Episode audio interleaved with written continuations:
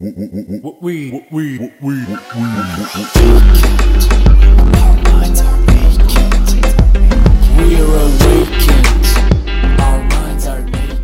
svima, ja sam Martina Đokić, a vi slušate podcast Mentalni nudista.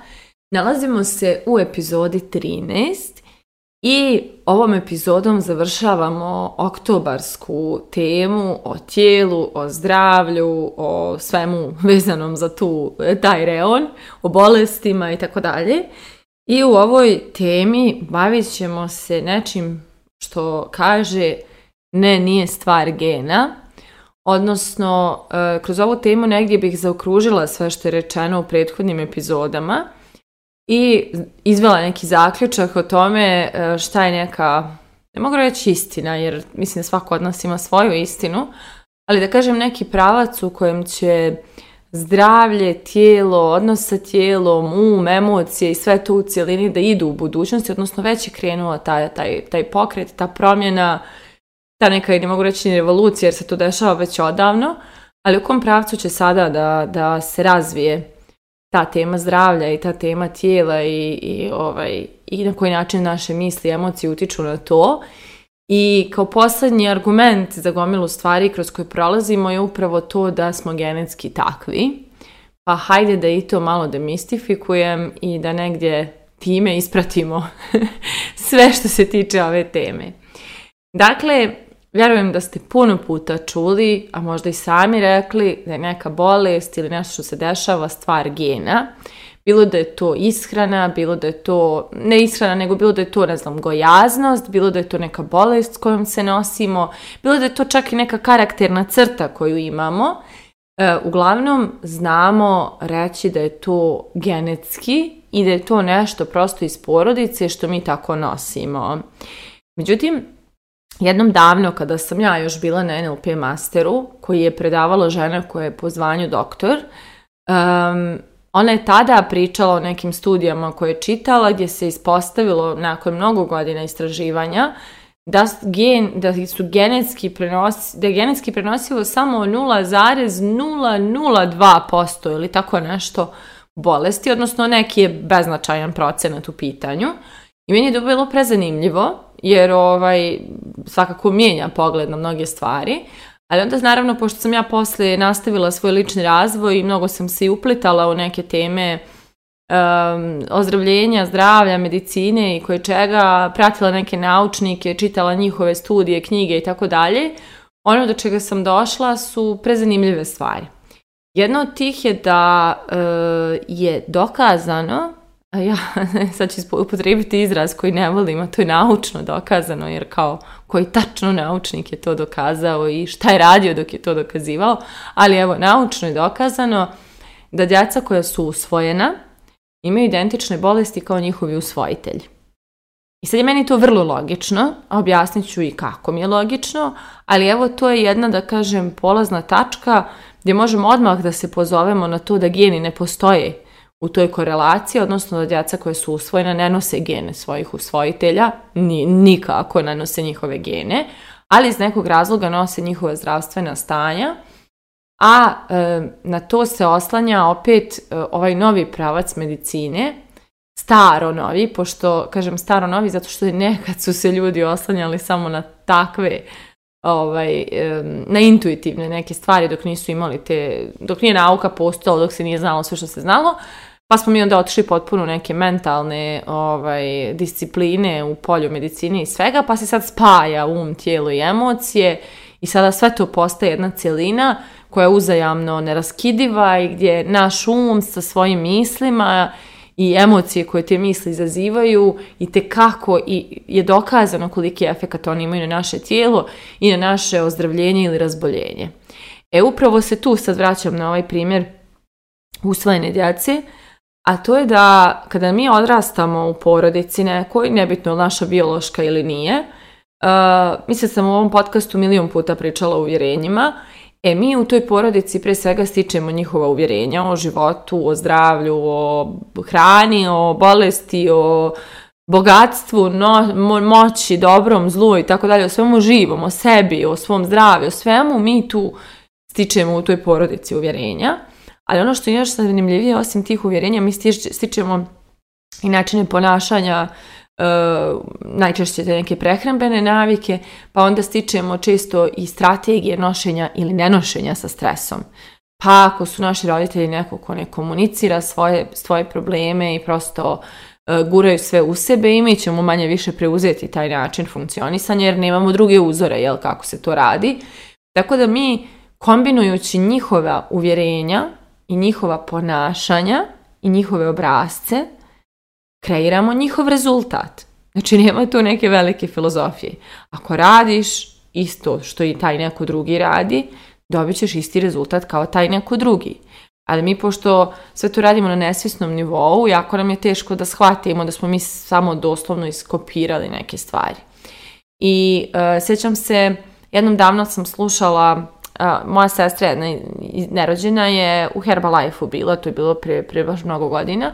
I jednom je jednom, ona je baš mnogo smršala, promijenila je ovaj, dosta um, prosto svoje zdravlje, svoj život i sve.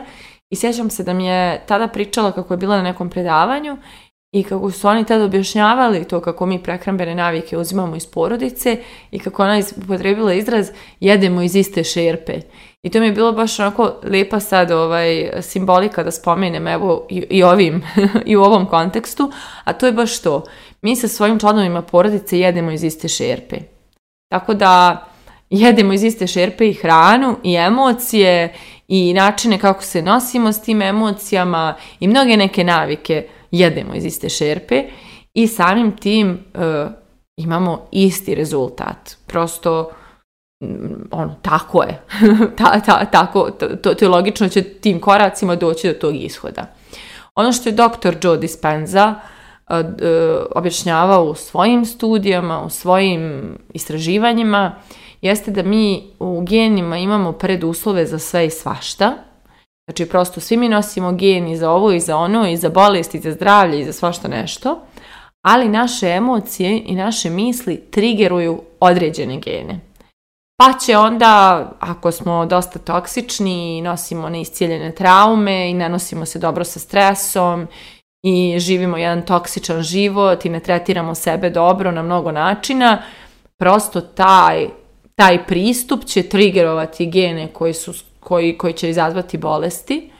A ako smo njegujući, ako smo iscijeljeni, ako imamo, da kažem, neke zdrave navike, zdrave poglede na život, zdrav odnos prema sebi, to će prosto više trigerovati te gene koji nas drže u dobrom i zdravom stanju, odnosno to će biti njegujuće i za naše tijelo, i za naše zdravlje, i generalno za naš cjelokupni život. S depresijom je slična stvar, znači kad pričamo i o mentalnim bolestima, tu isto postoji neka priča da li je to nasljedno, da li je to genetski nasljedno, ali stvar je vrlo jednostavna. Evo ja sam neko uh, ko potiče iz porodice u kojoj postoji samoubistvo, odnosno moj deda se ubio. Eh, od, naravno, depresija uvijek uzrok toga. Ja sam patila depresije i eh, nisam ja, nisam naslijedila njegov gen za depresiju. Ja sam naslijedila njegov nedostatak kapaciteta da se nosim s nekim stvarima. I to je ono što se zapravo dešava. U porodici, ja sam pričala o emocionalnoj inteligenciji na Balkanu, odnosno o nedostatku iste usled hiljade godina ratova i drama i svega. I prosto naši ljudi nisu razvijali kapacitete da kanališu svoje stresove, da prepoznaju svoje emocije, da se nosi sa svojim nesigurnostima, da budu ranjivi, da traže pomoć, eh, da prihvate to, to nešto što ih muči kao normalno a ne da to nekako potiskuju, guraju i prave se da nije tako i tako dalje. I prosto kada ljudi nemaju razvijene te kapacitete, lako skliznu u neke mentalne izazove poput depresije, anksioznosti, napada panike itd.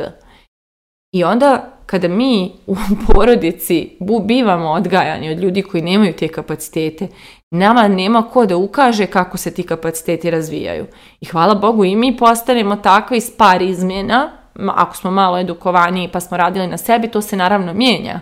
Ali ako nismo, mi imamo identične strategije nošenja sa problemima, odnosno nenošenja sa problemima i samim tim obolijevamo od identičnog mentalnog izazova. Tako da, da kažem, vrlo jednostavna formula. Koje činioce uvrstiš i kakvu formu, kakve, kakve da kažem, operacije između njih postaviš to rezultira nečim. I ako sve te iste činioce preuzmemo i mi od svojih roditelja, opet ćemo imati isti rezultat kao oni. I to vam nije samo u zdravlju, to vam je i sa financijama, to vam je i sa ljubavnim odnosima, sa koje čim. Mi stalno skupljamo neke strategije, obrazce, funkcionisanja i kopiramo ih dalje, osim ako ne krenemo da radimo na svojoj samosvijesti, da primjećujemo kako stalno igramo iste igrice, stalno završavamo ono ista meta, isto rastojanje, isti rezultat, iste emocije na kraju i ako se ne otreznimo posle ne znam kog kruga iste igre i ne zapitamo sebe kako to da ne naučimo ništa iz ovog iskustva i kako to da se nismo unaprijedili, vrijeme je da potražimo pomoć evo i ja sam ta koja mora povremeno se javi psihoterapeutu, jer postoje neke stvari koje vidim da me vozi, vidim da ne mogu da im stanem u kraj i treba mi pomoć da ih iscijelim. I tako je i sa zdravstvenim nekim stvarima, znači mi nasljeđujemo doslovno uvjerenja, jesmo li krhkog zdravlja, jesmo li jakog zdravlja, da li su naši porodici svi bolešljivi ili su svi zdravi. Ja često gledam isto djecu doktora koliko su pod konstantnim nadzorom i dijagnozama. Zato što je prosto profesionalna deformacija doktora da ti stalno daje neke dijagnoze. Ako šmrcaš mora da je ovo, ako ono uzmi ovaj lijek, uzmi onaj lijek i sve oko toga. Prosto koga god znam da je iz porodice doktora, on za svaku, uh, svaki pokret postoji, postoji neka, da kažem, perspektiva koja je to dijagnoza i šta, šta treba da se uzme od lijekova da se to riješi. S druge strane imate porodice travara koji potpuno druga uvjerenja nasljeđuju. Oni kažu, aha, treba, ne znam, da uzmeš taj taj čaj pa će ti biti bolje ili taj taj suplement.